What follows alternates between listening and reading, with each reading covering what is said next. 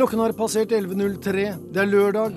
Du hører på NRK P2, og programmet er Verden på lørdag, med disse overskriftene. Borgerkrigen i Syria har krevd 70 000 liv og skapt 1 million flyktninger. Likevel ser det ut til å være langt frem. I nabolandet Israel har vi besøkt en jødisk settler.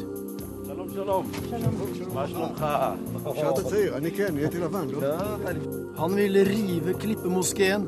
Den står tross alt på tempelhøyden der de store jødiske templene sto i oldtiden. Det er valg i Kenya på mandag. Mange frykter at volden fra forrige valg vil gjenta seg, men de håper og tror. I believe it will be peaceful. I believe it will be credible. I Storbritannia er skolepresset intenst. Jo yngre de er, dess mer alvorlig er det. Vi skal snakke om utenrikspolitisk film, og om du vil vite mer om hvem Rosa Parks er og var, og hvorfor hun ble hedret denne uken, ja, da må du følge med de neste tre kvarterene. For da sender vi ukens korrespondentbrev, som faktisk allerede er åpnet og handler om penger. Myntfoten rubel var opprinnelig et vektmål for sølv. Korrespondentbrevet er poststemplet Moskva, og dette er Verden på lørdag. Men vi begynner sendingen i Syria, der situasjonen blir stadig mer alvorlig. Ifølge FN registreres det nå 7000 nye flyktninger hver dag, og antallet vil i løpet av noen dager passere én million. På den bakgrunn snakket presidenten i USA og Russland sammen på telefon i natt om behovet for et regimeskifte i Syria. Men de er ikke enige om når og hvordan. Men Midtøsten-korrespondent Sigurd Falkenberg Mikkelsen, du er i Damaskus. Og det at Obama og Putin snakker sammen, at Ban Ki-moon er bekymret og sier at landet er i ferd med å gå i oppløsning, gjør den slags internasjonal oppmerksomhet noe inntrykk på partene i konflikten? Mitt inntrykk er at det ikke gjør noe særlig inntrykk. De har nå levd i to år snart med en konflikt. Det siste året har vært særlig tøft. Og det har vært en rekke utspill, mye myntet virker det som på de diverse landenes interne publikum, heller enn de reelle forholdene her i Syria. Sånn at den rene internasjonale retorikken rundt Syria tror jeg ikke det er så mange som bryr seg om her. De er mest opptatt med å overleve. Mange av de er meget urolige for framtiden selvfølgelig, og lurer på hvordan, hva de skal gjøre, og de skal, hva de skal gjøre for sine familier. Det de er opptatt av derimot, er selvfølgelig den realpolitiske situasjonen. De er opptatt av om Russland fortsetter å støtte Assad-regimet. De er opptatt av om amerikanerne bestemmer seg for å legge om politikken og sende våpen. Det er slike ting som vil forandre balansen og maktpolitikken her inne i Syria. Alt det andre er glasur. Ja, for én million flyktninger, 70 000 døde, et land i ruiner. Når vi da ikke snakker om partene, men altså sivilbefolkningen mellom barken og veden, hvordan kommenterer de disse forferdelige tallene? Nei, Det er noe som angår alle på en eller annen måte nå. Det finnes ikke noe sted hvor de kan være helt i fred, selv ikke her i Damaskus. Og er de ikke direkte rammet av krigen, så er det noen slektninger eller venner som er det, eller så lever de tett innpå den økende kriminaliteten og slike ting. Og Damaskus, det er nå tre måneder siden jeg var her sist, og dette er en by som er betraktelig mer krigstrøtt nå. Folk ser mer slitne ut. Det er vanskeligere å få tak i brød enn tidligere. Det har vært relativt sett bedre i Damaskus enn i resten av landet fram til nå. Men folk er oppgitt. Folk ser ikke noe særlig lyst på framtiden, og de ser ikke hvordan dette skal kunne løses på noe vis. Da sier vi takk til deg, Sigurd Falkenberg Mikkelsen i Damaskus. Du sier det er langt frem, men det er iallfall betydelig internasjonalt engasjement hva Syria angår. Denne uken ble det klart at USA nå skal engasjere seg mer aktivt ved å forsyne syriske opprørssoldater med bl.a. stridsrasjoner og medisiner. Men våpen får de altså ikke. Dette ble klart da landene som kaller seg Syrias venner, møttes i Roma denne uken. Samtidig så kommer det rapporter om storstilt smugling av våpen til opprørerne fra Kroatia via Syrias naboland Jordan. Men verken mat eller våpen kan sikre den splittede opposisjonen en seierrik utgang på denne borgerkrigen. Det mener vår kommentator Gro Holm. Væpnet med Meals Ready to Eat, eller ferdiglagde stridsrasjoner fra det amerikanske forsvaret, skal opprørssoldatene i den frie syriske hæren rustes til kamp mot de syriske regjeringsstyrkene. Mer avansert såkalt ikke-dødbringende materiell, som kjøretøy og kommunikasjonsutstyr, må vente. Og nylig ble det kjent at det var president Obama selv som sa nei til å forsyne syriske opprørere med våpen. I fjor høst ønsket nemlig både utenriksminister Clinton, CIA-sjef Petreus og forsvarsminister Panetta å bidra med våpenhjelp.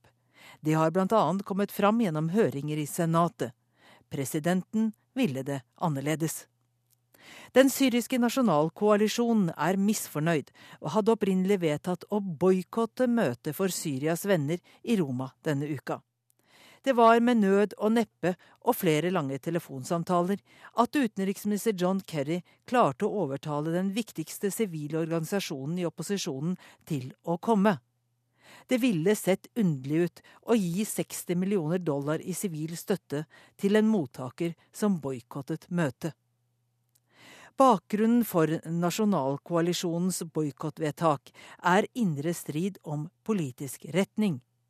Lederen, Ahmed Moaz al-Khatib, har signalisert at han kan være villig til å forhandle om en politisk løsning med Assad. Det kostet ham nesten jobben, for Det muslimske brorskap og flere andre grupper i koalisjonen er kategorisk imot å snakke med det nåværende regimet. Utenriksministrene i både USA og Russland skal ha vært svært positive til al-Khatibs forhandlingsvilje.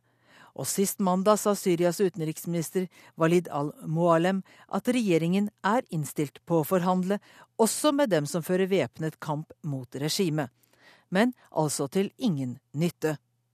For da ledelsen i den syriske nasjonalkoalisjonen møttes i Kairo i forrige uke, sørget representantene fra Det muslimske brorskap for et vedtak som binder den mer forhandlingsvillige koalisjonslederen på hender og føtter.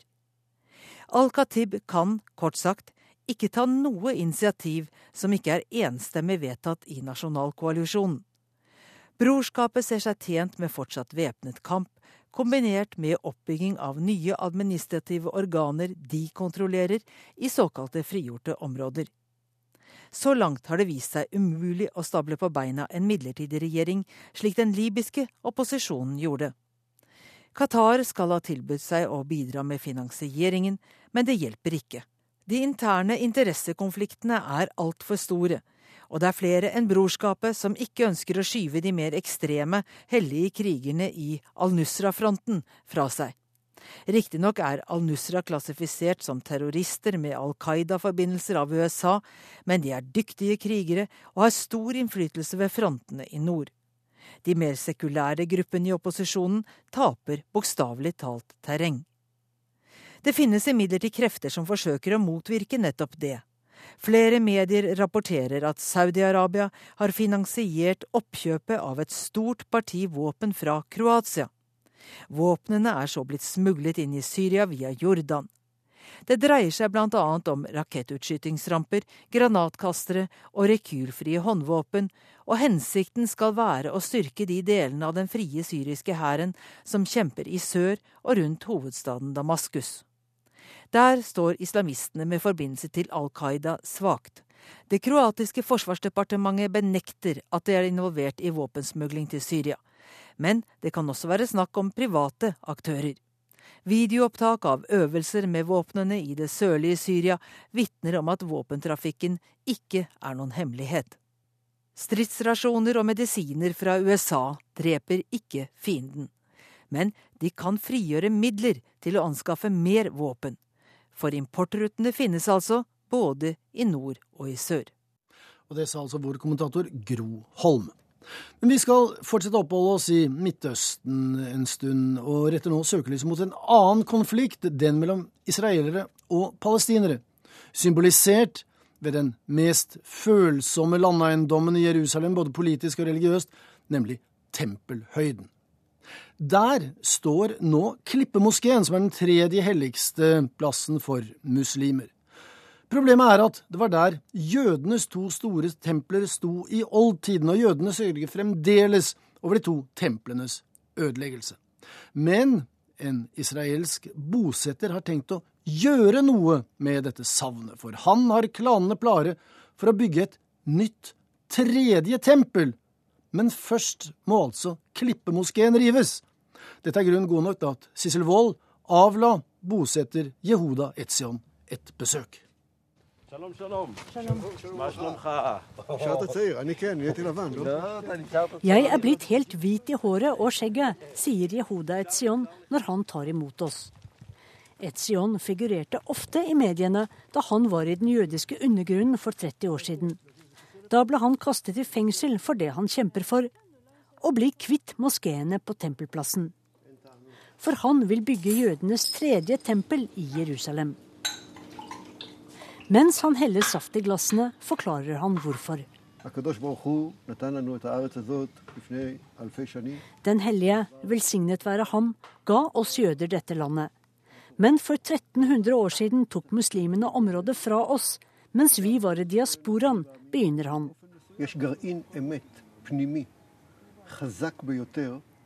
Den eneste sannhet er at Eretz-Israel, landet Israel, tilhører det jødiske folk.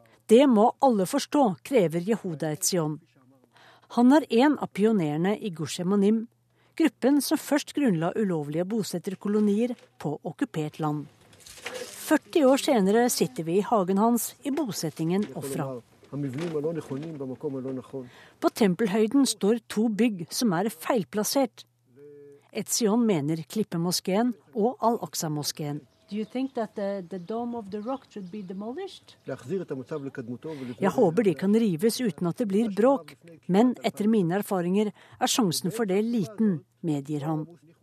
Han snakker tross alt om muslimenes tredje helligste sted etter Mekka og Medina.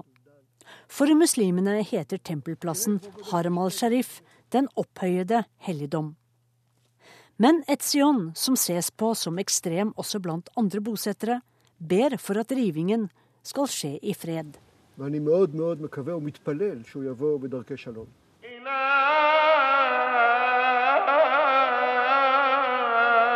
Hver fredag samles tusener av palestinere til fredagsbønn på Haram al-Sharif. Plassen kalles også Tempelplassen fordi jødenes to templer sto her. Babylonerne ødela det første rundt år 580 før Kristus. Romerne jevnet det andre i år 70 etter Kristus. Klippemoskeen ble bygget på 600-tallet av kalifen Abdel al-Malik. Den rosa klippen moskeen er bygget over, er hellig for både muslimer, jøder og kristne. Legendene forteller oss at det var her jorden først ble til, og det var her Abraham skulle ofre sin sønn Isak. Det var her profeten Mohammed for til himmels på hesten sin, og det er her trompetene først skal lyde på dommens dag. Ikke rart det er kamp om klippen på plassen på Moriafjellet. Nøkkelen til fred i Midtøsten er at jødene får Moriahøyden tilbake fra muslimene, sier Etzion. På 80-tallet ble han dømt og måtte sone i fengsel for å ha planlagt å sprenge klippemoskeen i lufta. Nå er våpenet hans en ny byplan. Den hvithårede 61-åringen tar oss med til kontoret tvers over veien. Her er tegningene av det nye tempelet sett fra sydsiden. På PC-en har han skisser og arkitektplaner. Alt er klart, bare tomten ryddes. Muslimene har Mekka. Vi forstyrrer dem ikke der, og da må de la være å forstyrre oss i Jerusalem, mener Etzion. Men hva med araberne, spør vi. Arabisk Øst-Jerusalem, med gamlebyen, der tempelhøyden ligger, er tross alt hjemmet til 250 000 palestinere. Araberne? Dem har vi allerede snakket om, sier Etzion. De kan være gjester, men aldri bli likeverdige innbyggere. Shalom. I'm Rabbi Chaim Richmond from the Temple Institute in Jerusalem. Yehuda Etzion er slett ikke alene om å planlegge å bygge et tredje tempel. This is a very historic moment. We have just Rabbiner Richman snakker fra The Temple Institutes nettside. Han vil vise oss noe. And it is the golden crown of the high priest described in the Torah. Vi har akkurat fått kronen ypperstepresten i tempelet skal ha på seg, sier rabbineren, som viser frem en vakker, håndlaget gullkrone. The Temple Institute er bare én av flere ekstreme grupper som jobber for å gjenreise tempelet på ruinene av moskeene. Instituttet viser til og med frem gjenstander som skal brukes i tempelet, bare det står ferdig bygget. En kjempegaffel til å legge offerdyr på alteret. En sølvkopp som skal samle blodet til offerlammene. Også mange kristenfundamentalister støtter byggingen av et tredje tempel. Dette er Jerusalems fremtid, sier Jehuda Etzion. På tegningene ser vi at de to berømte moskeene er borte, mens tempelet er gjenreist i all sin prakt. Akkurat som for 2000 år siden.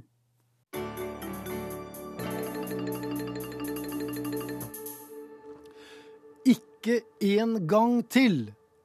Det er mottoet når 14 millioner kenyanere går til urnene på mandag for å velge ny president og ny nasjonalforsamling, pluss representanter til fylkesting og distriktsforsamlinger, samt 47 guvernører. Og det er ny vold som skal unngås. For etter forrige valg for fem år siden ble 1100 mennesker drept, 3000 såret og opp mot en halv million ble drevet fra sine hjem. Lars Sigurd Sunnanå har fulgt valgkampen i Molo i Riftdalen, der det fortsatt er etniske spenninger.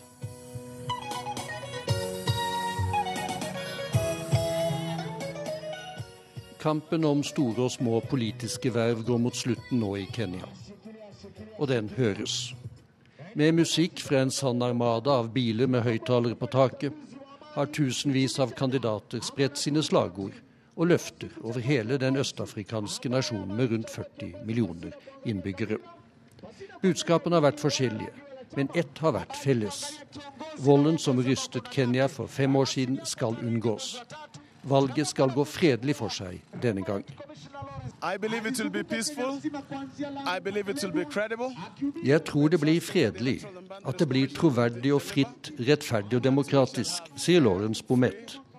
Han håper å bli guvernør i Nakoro, et av de 47 fylkene i Kenya, og har tatt veien til Molo, byen og jordbruksdistriktet, der volden var på sitt verste i Rifdalen, da væpnede bander fra Kalenjin og Kikoyo-stammene gikk løs på hverandre i blodige etniske oppgjør i 2007-2008. Spenningen mellom de to stammene er der fortsatt, men Bomet mener at sårene i området nå er i ferd med å leges. There There's still tensions. The tribes are still struggling, but I believe they are on the path to healing.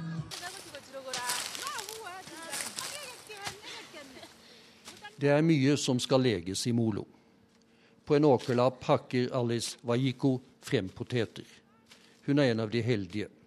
Etter at huset hennes ble svidd av under voldsbølgen for fem år siden, fikk hun nytt tak over hodet av Flyktninghjelpen i Norge, som har bygget mer enn 4000 nødboliger for internt fordrevne familier i denne delen av Kenya siden da.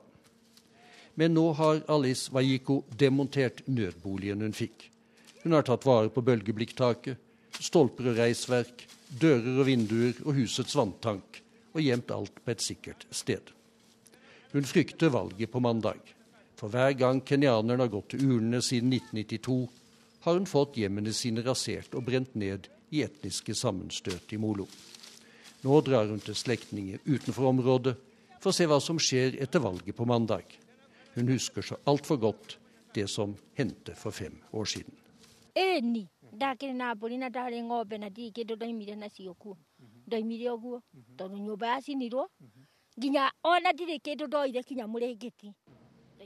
Jeg hadde fem geiter og en ku, forteller hun.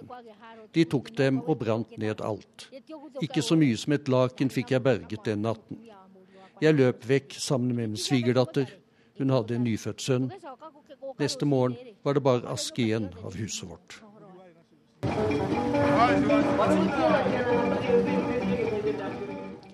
Valgkampen har ikke hatt alvorlige uroligheter så langt. Det er hva som skjer når stemmen er talt opp fra i overkant av 14 millioner registrerte velgere på mandag, som fortsatt skaper usikkerhet her i Kenya. Det står om landets internasjonale omdømme som levedyktig demokrati. Ny vold i Molo og Rifdalen kan raskt spre seg til andre deler av Kenya. Josef Kavita, som er distriktscommissioner, regjeringens øverste embetsmann i Molo, svarer slik på spørsmålet om det kan komme nye blodige sammenstøt i det store, frodige jordbruksområdet han er satt til å administrere. We cannot say it will happen or it will not happen. But other things are on the ground. Vi kan ikke si at det vil skje eller ikke skje igjen, sier han. Men signalene ute blant folk forteller at de vet hva som står på spill. Og fra vår side er vi godt forberedt. Vi skal gjøre vårt for at valget denne gang blir et vi kan være stolte av som kenyanere.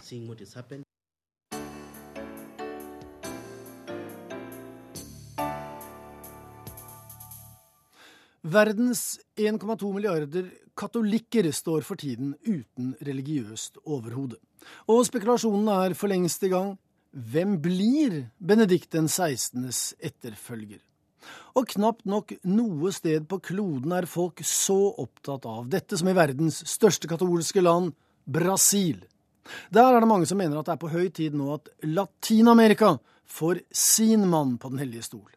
Arnt Stefansen rapporterer fra Rio de Janeiro.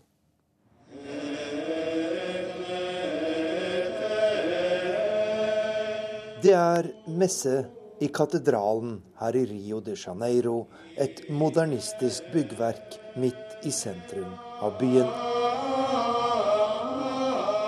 Den romslige katedralen er på langt nær fullsatt. Også her i Brasil, verdens største katolske land, har den katolske kirken mistet oppslutning de siste tiårene. Drøyt 120 millioner brasilianere, 65% av befolkningen, er i dag registrerte katolikker, mot nærmere 90% på 1970-tallet. Den 40 år gamle Adriana Ribeiro her fra Rio mener det må en radikal kursendring til når kirken nå skal velge en ny pave. Det som virkelig vil bety noe, er om vi får en pave som står for en radikal nytenkning i spørsmål som handler om moral og livsførsel. Når Kirken nekter oss å bruke prevensjon og støtter dagens abortpolitikk her i Latin-Amerika, så er den fullstendig i utakt med virkeligheten. Når mindreårige jenter settes i fengsel fordi de har tatt ulovlig abort, slik som f.eks. i Chile, så er det ikke lenger mulig å følge kirkens bud om rett og galt, sier hun.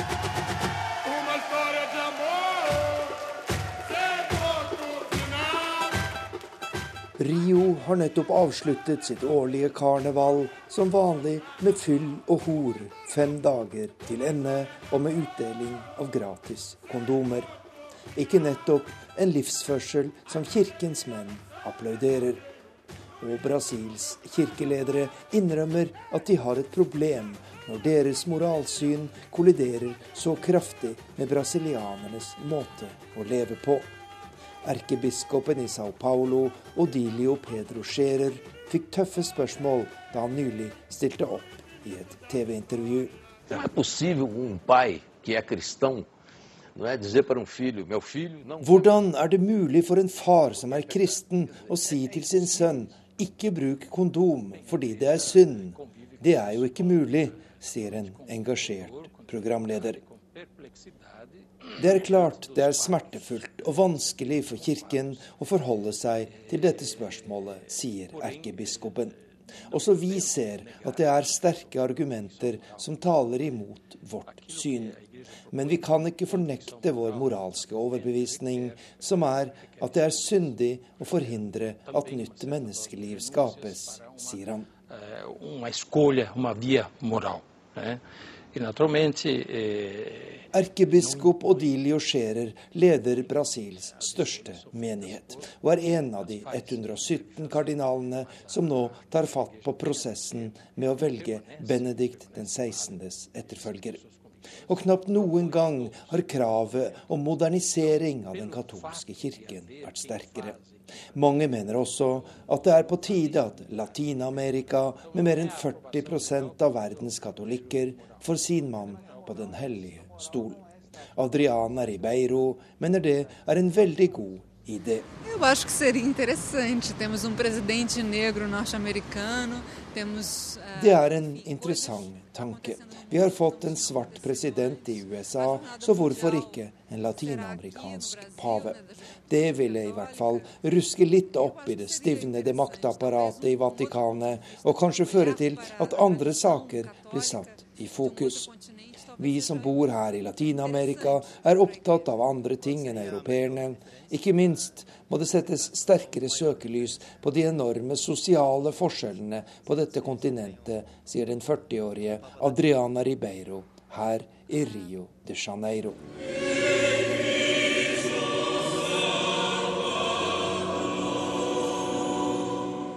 Men ekspertene har ikke så sterk tro på Latin-Amerika når kardinalene nå lukker seg inne i Det sixtinske kapell og avholder sitt hemmelighetsfulle valg.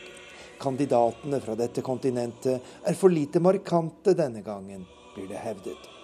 Og som vanlig er alle opptatt av å vise hvor ydmyke og beskjedne de er i forhold til egne paveambisjoner.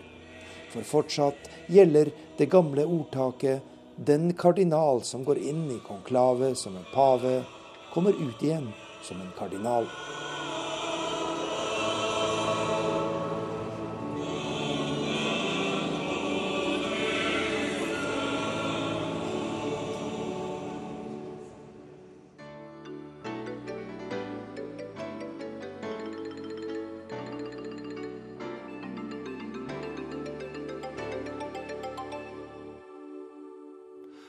For 18 sekunder siden så passerte klokken halv tolv, og du hører på NRK P2, og programmet er Verden på lørdag. Og lørdag det innebærer skolefri, men det betyr ikke nødvendigvis at alle elever har lagt vekk bøkene. I Storbritannia utsettes f.eks. stadig flere og stadig yngre barn for et stort press det gjelder nemlig å komme inn på den ungdomsskolen de må gå på for å komme videre i utdanningssystemet senere. Og dette viktige valget det må tas når barnet er ti år. For kampen om eliteplassene er skarp i et land med et utall av ulike skoletyper. Gry Blekastad Almås har besøkt en av disse forjettede skolene.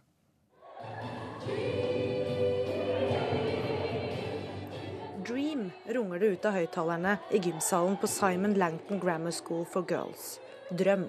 Og de 30 jentene som fryder seg gjennom dansetimen her, lever drømmen på denne pikeskolen. Hi, I'm Cleo Gravett and I'm 12. I'm really happy that I did choose this school and get in here because I am really happy. Grammar schools, non-selective schools, independent schools, There are free schools, there are faith schools, single gender schools, our academic schools, our vocational schools. boarding schools, all sorts. Det britiske skolesystemet fremstår som en jungel for utenforstående. Ungene må velge mellom alle disse alternativene når de er ti år gamle, i den grad de kan velge. For hvis du ønsker en annen løsning enn den offentlige skolen som er åpen for alle, må man først bestå harde opptakskrav. I um, nearly nine, so I was eight. My parents really wanted me to get to like a good school, so to make sure that I got to like a school that I'd be happy at. So you really had thoughts about further education at the age of eight? Yeah, I've I, um I've always had sort of big ambitions and stuff. Cleo Gravett er en ambisiøs og skoleflink tolvåring. Det bør man være hvis man skal gå på en av de selektive skolene. Okay, let's. How much you say? Um, like four times mineral water.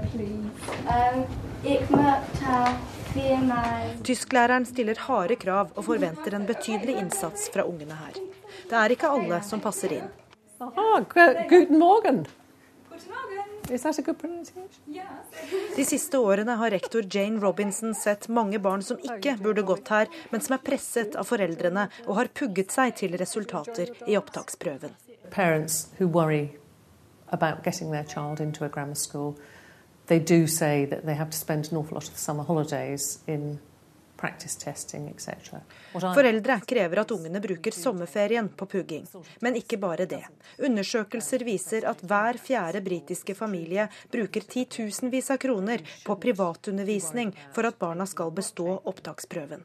Faktisk mer enn én av fire familier, 28 Det ønsker rektor Jane Robinson en slutt på. What I'd love to see is that we do take on the sort of test that doesn't um, necessitate any practice at all. It's a true test of cognitive ability that you shouldn't be worried about taking or not taking. Nå har hun fått fylkespolitikerne i Kent med på å utarbeide opptaksprøver man ikke kan pugge til på forhånd. Slik håper hun å lette presset på unge sjeler som føler de må bestå for å sikre seg riktig skoleplass. Hi, I'm Molly and I'm 12. Hi, Remy for Baines, and I'm 13. De tålte selv presset, men de så begge eksempler på de som ikke tålte det. For a lot of people in my school, it was really pressure, um, pressuring, feeling like you couldn't handle it. And a lot of people had like um, breakdowns and they needed to have, um, not like big ones, they just kind of like um, cried or they'd need to be alone. The thing is that I think the test doesn't work in some cases because I have a few friends that are so bright and would love it here. But the thing is, is that the test mainly consists of exam taking technique and having a good tutor or having a good parent, like telling you how long you should spend on each question and how to do stuff. And it's not really common sense, the test. Det går mot en endring av opptakseksamenen for å lette litt av presset på de små. Men ingenting tyder på at man går bort fra et selektivt skolesystem i Storbritannia. Det er nok kommet for å bli, bekrefter rektor. Parents are given a huge amount of choice here, and it's definitely what parents want. Hi, my name's called Rezwana Akhtar. I'm 12 years old. Og sistemann ut av de utvalgte jentene ville ikke vært noe annet sted enn på Simon Langton Grammar Schools for Girls i Canterbury. I've always wanted to have any great job that I wanted to be, and I've always wanted because when you feel like you passed Kent test and go to a grammar school, it actually push, pushes you, but makes you feel like um, you will have a great life when you're older. Drømmen om et fantastisk liv lever videre hos de heldige få. Og undersøkelser bekrefter at nettopp de barna som kommer inn på de selektive skolene som tiåringer, er de man ser flest av i ledende posisjoner i samfunnslivet som voksne.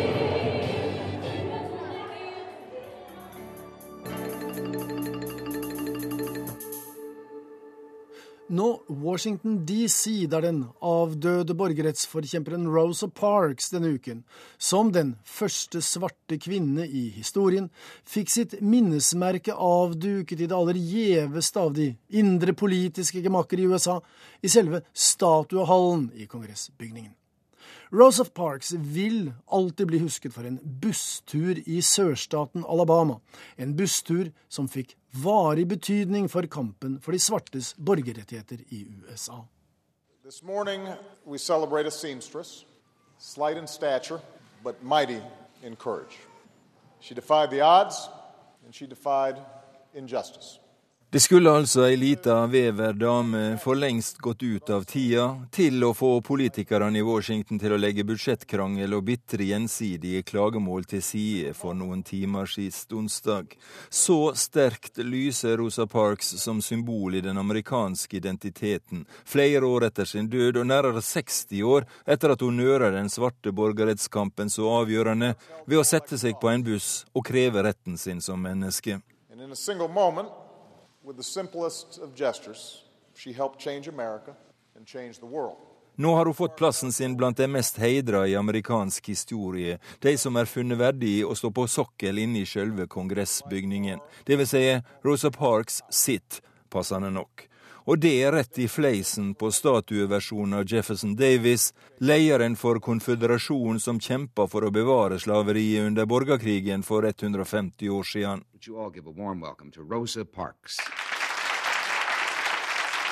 På sine gamle dager etter at borgerrettskampen i alle fall formelt var vunnet og USA endra, ble Rosa Parks vant til å fortelle historien si, alltid med den lågmælte røysta og de enkle bilda. I approached the bus stop, I noticed that the uh, there's a possible chance that I would get a seat on the bus, but however, there were a number of people getting on ahead of me. Det var en torsdag på vei hjem fra arbeid som syda med datoen 1.12.1955, staden Montgomery, Alabama. Rosa Parks gikk på bussen, løste billett og fant plassen sin på første rad for de farga, slik reglene sa. På bussene i Montgomery var de fremste setene reserverte for hvite.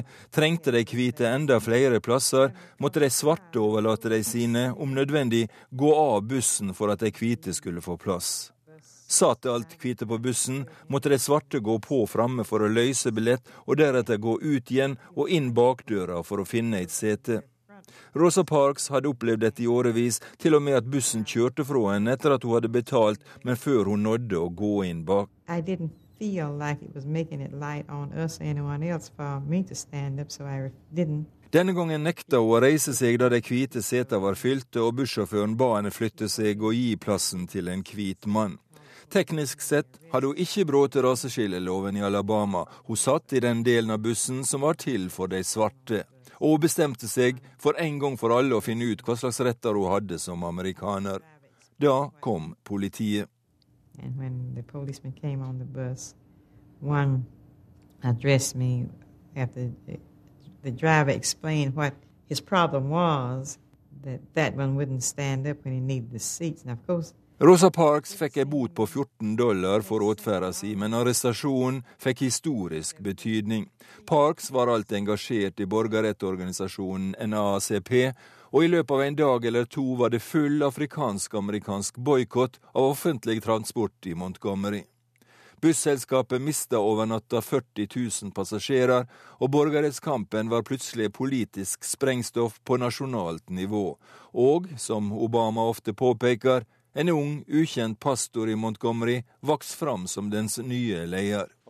Pastor, new to town and only 26 years old, stood with him.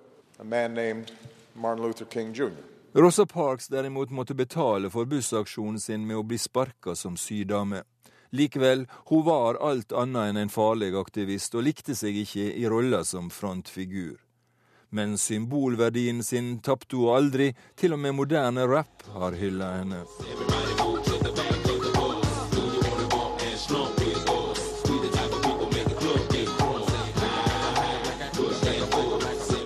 Rosa Parks døde i 2005, og da var ingen ord for store fra de som æra henne, som pastor L. Sharpton, the fact of the matter is, Rosa Parks was not only the mother of the modern civil rights movement, she was the mother of this nation.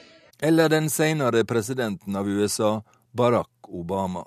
It is this small, quiet woman whose name will be remembered long after the names of senators and presidents have been forgotten. Ja, Til slutt her så hørte vi president Barack Obama i en yngre utgave. Han snakket om Rosa Parks, og innslaget det var laget av Gunnar Myklebust. Og siden dette dreide seg om en statue som ble avduket i Washington, så kan vi vel kanskje si at vi skal eh, fortsette å oppholde oss i det amerikanske kulturbildet. For siden forrige Verden på lørdagssending så har det vært Oscar-utdeling i Hollywood, og vi vant altså det store vi, ikke i Kon-Tiki-forstand, men i betydningen av de av oss som er opptatt av verden rundt oss, eh, enten det gjelder det journalistiske eller det politiske, i virkeligheten og eller på film. Argo, Ben Afflecks film om gisselsituasjonen i den amerikanske ambassaden i Teheran for mer enn 30 år siden, ble nemlig kåret til beste film av The Academy. The civilized world everything. Our embassy has been seized and more than 60 American citizens Omtrent samtidig bestemte de folkevalgte i Kongressen i Washington at de allikevel ikke skulle ta affære mot en annen prisbelønt film, nemlig Catherine Bigelows Zero Dark Thirty. Den handler om jakten på og likvideringen av Osama bin Laden. Og de folkevalgte var bekymret fordi filmen angivelig viser at amerikanerne bruker tortur, og det kunne vært forårsaket av brudd på CIAs sikkerhetsrutiner og taushetsplikt. You really believe this story? Osama bin Laden? Yeah. What part convinced you? Det er altså mye god utenrikspolitikk på kino, og Agnes Moxnes, du er en kulturkommenterende kollega her i NRKs nyhetsavdeling. Altså, Denne reaksjonen fra Kongressen den kan vel faktisk tyde på at mange ikke helt forstår at spillefilm egentlig er underholdning. Altså ikke en dokumentarisk fremstilling av virkeligheten, men er det regissørens mening at, uh, at, vi, da, i hvert fall i enkelte tilfeller, skal tro at deres versjon, altså filmen, at det er sannheten? Ja, det er jeg helt sikker på. fordi at det er jo Selve grunnlaget for historien ligger jo i noe som journalister, eh, medier, politikere har eh, snakket om i ganske lang tid i forveien. Sånn at historien er på et vis solgt inn før. Og så kommer filmskaperne og sier 'se hva som virkelig skjedde'. Og i det tilfellet med Zero of Dark 30, om hva som skjedde da de tok ut Osama bin Laden, eh, så eh, er det gjort grundig journalistisk virksomhet, gravearbeid, i forbindelse med det. Samtidig så påberoper filmskaperne seg kunstnerisk frihet, eh, som da gjør at de ikke kan tas av politikerne etterpå. Sånn at uh, her er det en slags eh, konfliktsituasjon, vil jeg si, mellom journalistisk integritet og kunstnerisk frihet. Og det er vanskelig å få til begge deler samtidig, men i, i tilfellet Zero Dark 30 så prøver de jo på det. Ja, for Hvis vi tar Argo, da, den, den andre, der vet vi jo at på den ene side så er det utrolig mye som er historisk korrekt, men samtidig så har man juksa litt og, og diktet til og trukket fra og sånn. slik at det er jo noen, da andre den canadiske ambassadøren, som spiller en sentral rolle i filmen, som han gjorde i virkeligheten. Vedkommende er misfornøyd. Ja, men det er altså eh, film, Kunstnerisk frihet er en kynisk eh, sak. Fordi at eh, man, Og meget, meget, fleksibel også, da? Ja, også fleksibel. Fordi at de må eh, Deres hovedmål er å selge kinobilletter. Hvis folk ikke går på kino, så har de ikke gjort en god nok jobb. Sånn at de må fortelle historien på en måte som gjør at vi sitter klistra i, i kinosetet og følger denne historien og går ut og forteller andre at de skal også gå og se den. Og Derfor så legger de inn eh, øyeblikk i historien på andre steder enn der det egentlig har skjedd. De legger til scener og forandrer scener sånn som det passer seg. Men grunnhistorien er jo ganske riktig. Men er denne kynismen, som du sier, eller denne fleksibiliteten, er den mer utrert i storslagne Hollywood-produksjoner enn den er kanskje i, i smalere franske noir-filmer? Nei, men det er vel Amerikanerne har jo vært veldig flinke til å lage disse filmene som ligger tett opp til virkeligheten, fordi vi vet så mye om, om Altså verden vet så mye om amerikansk historie. Eh, det har vært et, eh, og er et betydelig land. Og når amerikanere går inn i konflikter, så forholder vi oss til det. Vi kan historien, mens eh, fransk historie er vi ikke så gode på. Sånn at de lager kanskje det franske dramaene for sitt eget publikum, men det rekker ikke ut i samme grad som de amerikanske filmene gjør. Men for å ta de amerikanske filmene, fungerer de som en slags spydspiss for, eh, for, amerikansk utenrikspolitikk, eller er det en kulturell forlengelse av, av, USA med hensikt, eller er det da bare underordnet og sideordnet fra regissørens side? Altså Der kommer det litt an på publikum. Fordi at jeg vet under bombingen av Beograd i 1999 så kjørte eh, jugoslaviske kinoer amerikanske filmer. Fordi amerikanerne er veldig flinke til å lage filmer som på en måte er selvkritiske, hvor de går inn i systemet sitt og ser hvor råttent systemet er. De filmene ble kjørt som propagandafilmer mot Amerika, selv om det var amerikanske filmer, i Beograd i 1999. Sånn at der virker jo filmene, hvis man skulle tenke at de er laget med propagandistisk hensikt, mot eh, altså sin egen hensikt. Da. Men, men amerikansk film, Hollywood, er helt avhengig av at vi tror at de er ganske nøytrale. Men lærer vi noe om den utenrikspolitiske virkeligheten eh, slik den er, ved å se disse stort anlagte fantasifortellingene basert på en true story som Hollywood ofte presenterer? Ja, lærer uh, mye om historien. Altså, en av de største uh, krigsfilmene ble jo laget like etter annen uh, verdenskrig, som prøvde å beskrive helt nøyaktig hva som foregår, foregikk under landgangen i Normandie. og sånn har filmskapere hele tiden holdt på. De har forholdt seg til historien. Men i det lange løp så kan du jo trekke, det, altså trekke denne linjen helt tilbake til Homer og, og krigen om Troja og hans beskrivelse av den, eh, så er det jo først og fremst om menneskets natur i konfliktsituasjoner. Det er jo der liksom kunsten og filmskaperne liksom legger inn hovedstøtet. Så for å være sikker så må man lytte på Verden på lørdag i tillegg? en god idé.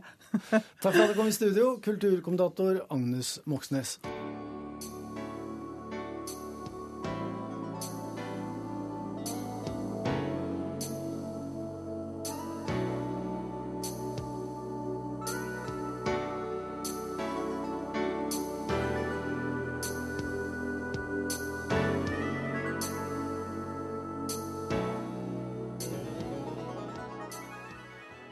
Da nærmer vi oss uh, denne reisens slutt, og jeg sitter med en konvolutt her i hånden. Den er utstyrt med russisk frimerke, og jeg eh, kjenner igjen Hans-Wilhelm Steinfelds uh, knudrete håndskrift. Den gamle historielektoren han fra Bergen han ønsker nå å forelese om penger. Siden våre naboer i øst, ifølge altså ikke vår korrespondent, men selveste patriarken av Russland, nå så danser russerne rundt gullkalven og de dyrker mammon. Myntfoten rubel var opprinnelig et vektmål for sølv, akkurat som den polske mynten slåti refererer seg til gull. Eller vektenheten pundet, for ikke å snakke om fortidens tyske mark. På 1950-tallet hjemme i Bergen kjøpte min mor alltid en markkaffe i Mollekleivs kolonial i Marken. Bergens svar på Grünerløkka. Ordet rubel er en avledning av det russiske verbet å hugge, rubitsj. På 1200-tallet i byen Novgorod oppsto dette rubelbegrepet. For sølvvekten av 200 gram sølv het grivna den gang der, og er for øvrig fortsatt myntfot i Litauen. Men i Novgorod hugget russerne de 200 grammene sølv i to, og dermed ble 100 gram sølv til en rubel. Siden har rubelen vært hugget mer enn i to, mange ganger. Så liten som rubelen enn er blitt, så danser russerne rundt den til konsternasjon eller forferdelse for overhodet av den russisk-ortodokse kirken, patriark Krill den andre. Da jeg i hine hårde dager kom som hovedfagstudent i historie hit til Moskva i året 1975, var stipendet på hele 150 rubler i måneden. Den gang var jeg rik. En god ingeniørlønn i Sovjetunionen lød på 120 rubler den gangen. Men fordi landets økonomi gikk på dunken, oppsto varemangelen, men penger hadde folk. Dermed kom svartebørsen. Mot slutten av sovjettiden opphørte rubelen å være et rasjonelt byttemiddel for verdier mellom folk. En titonns lastebil kostet bare 2000 rubler, mens en steppekanin av en Lada kostet menigmann fem ganger mer, 10 000 rubler. Rubelverdien raste sammen da Sovjetunionen raste. Vi intervjuet en gruvearbeider i Varkota i Nord-Russland tre måneder etter Sovjetunionens sammenbrudd, i april 1992. Ved siste årsskifte hadde mannen på 59 år hatt 20 000 rubler på bok etter et helt livs sparing. Det tilsvarte ti årslønner, det. Et kvartal senere var pengene til den arme russeren fordampet. Fascisme er småborgerskap som går amok etter at hyperinflasjonen har fratatt folk sparepengene, sa revolusjonslederen Lev Trotskij på bakgrunn av Weimar-republikkens tragiske skjebne for 90 år siden i Tyskland. Russerne kunne gått samme veien. For i desember 1993 stemte 25% av dem på villmannsnasjonalisten Vladimir Zjirinovskij, i dag like gal som den gang. Nylig la Sjirinovskij ansvaret for et meteorittnedslag i Uralfjellene på amerikanerne og deres våpeneksperimenter. Ja, det er godt å ha noen å skylde på, men rubelens skjebne, ja, den må nok russerne svare for selv. Bakpå en kopi av Norges første riksdaler fra 1695 har jeg klistret en postsovjetisk pengeseddel pålydende 10 000 rubler. Den er datert 28.11.1993 og ble signert med penn og blekk av min husvenn Leonid Gorjevitsj. Gorjevitsj ledet den gang Russlands statskomité for platina, gull og diamantindustrien. Måtte rubelen bli konvertibel før dette blekket blekner, sa Gurjevitsj til meg for 20 år siden. Fortsatt er ikke rubelen konvertibel. I fjor høst gjorde russisk fjernsyn et stort nummer av at forretningene i Helsingfors nå tillater betaling i rubler fra alle russiske kunder som strømmer til. Visakortene har jo sikret russerne en snarvei til konvertibel lykke når de er i utlandet, selv om bankkontiene deres hjemme i Russland står i rubler. For som verdens største olje- og gassnasjon erfarer mange stater i Europa nå styrken i den russiske petrorubelen. I dag koster imidlertid en T-banebillett her i Moskva 25 rubler. For 30 år siden utgjorde de samme 25 rublene en kvart månedslønn. Seddelen den gang var dypt fiolett og hadde kjælenavnet baklasjan eller aubergine pga. fargen. Så det har nok gått nedover med rubelens nominelle kjøpekraft, i hvert fall hjemme. I dag er en gjennomsnittlig månedslønn her i Moskva på 30 000 rubler eller 5500 kroner. Ifølge president Vladimir Putin er landsgjennomsnittet bare på 13 000 rubler eller 2500 kroner per måned. Men ser man på prisnivået i kjøpesentrene her i Russland, forstår man hvorfor mange vanlige russere bare kaller dem for kommersielle museer, se, men ikke røre. Likevel går omsetningen i megasentrene så det suser i Russland. For den russiske middelklassen begynner å karre seg opp til 20% av befolkningen totalt. Det blir straks 30 millioner mennesker her i Russland, det. Så får det våge seg at de russiske sosialdemokratene mener 40% av russerne lever under den offisielle fattiggrensen.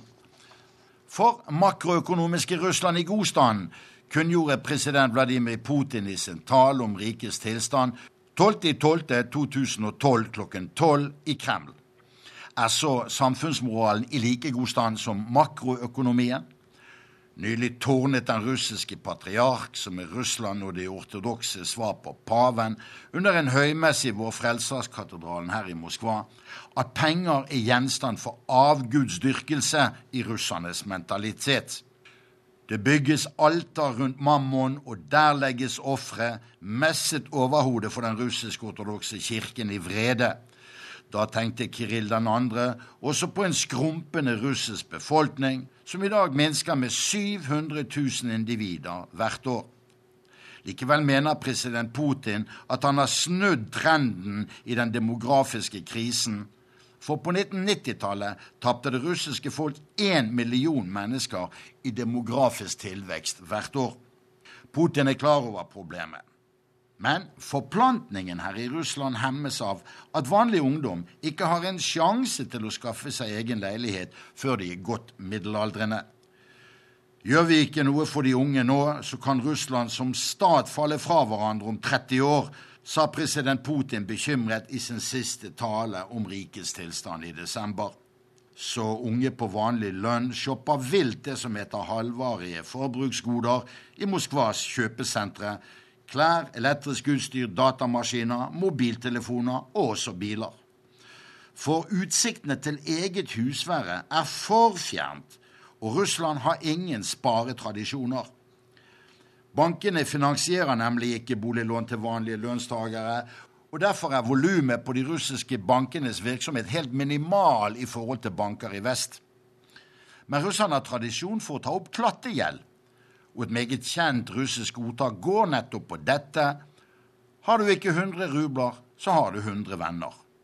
Men ingenting i Russland er gratis lenger, og som et annet russisk ordtak så treffende karakteriserer røverkapitalismen her til lands, gratis ost fins bare i musefellen. Og den bør man som kjent unngå hvis man er en mus i økonomisk forstand, og det er nok de fleste russerne.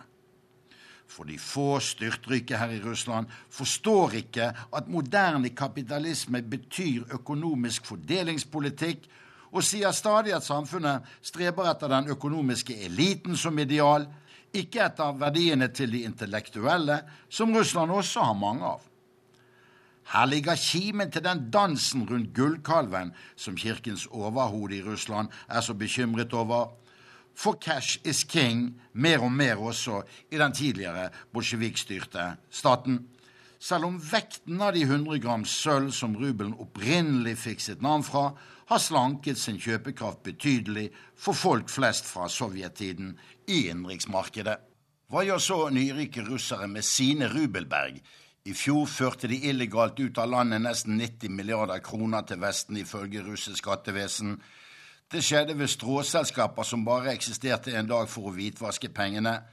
Derfor tok Russland i februar til orde på møte for finansministeren i G20-gruppen for å endre regler for valutastrømmer internasjonalt. I tillegg lukter Russland på amerikanske regler som setter en øvre grense på 10 000 dollar for kontantkjøp. I fjor kjøpte en russer kontant en eiendom i California for over 30 millioner dollars, båret dit i en koffert. På toppen kommer den nye drakoniske selvangivelsen for offentlig ansatte pga. korrupsjon her i Russland. Så Nikolai Gorgos første setning fra skuespillet Revisoren får ny aktualitet den gangen borgermester sa det går et rykte om at tsaren har sendt en revisor inkognito til vår by. For 150 år siden var nok eliten mer redd for tsarens revisorer enn for Putins revisjon. Hans-Wilhelm Steinfeld, Moskva. Ja, dette brevet det kan eh, med mer høres en gang til i en kortversjon av Verden på lørdag her på P2 klokken 16.40 i ettermiddag. Ansvarlig for denne sendingen det var teknisk sett Karl Johan Rimstad. Skript var Lars Christian Rød, og her i studio satt Joar Hoel Larsen.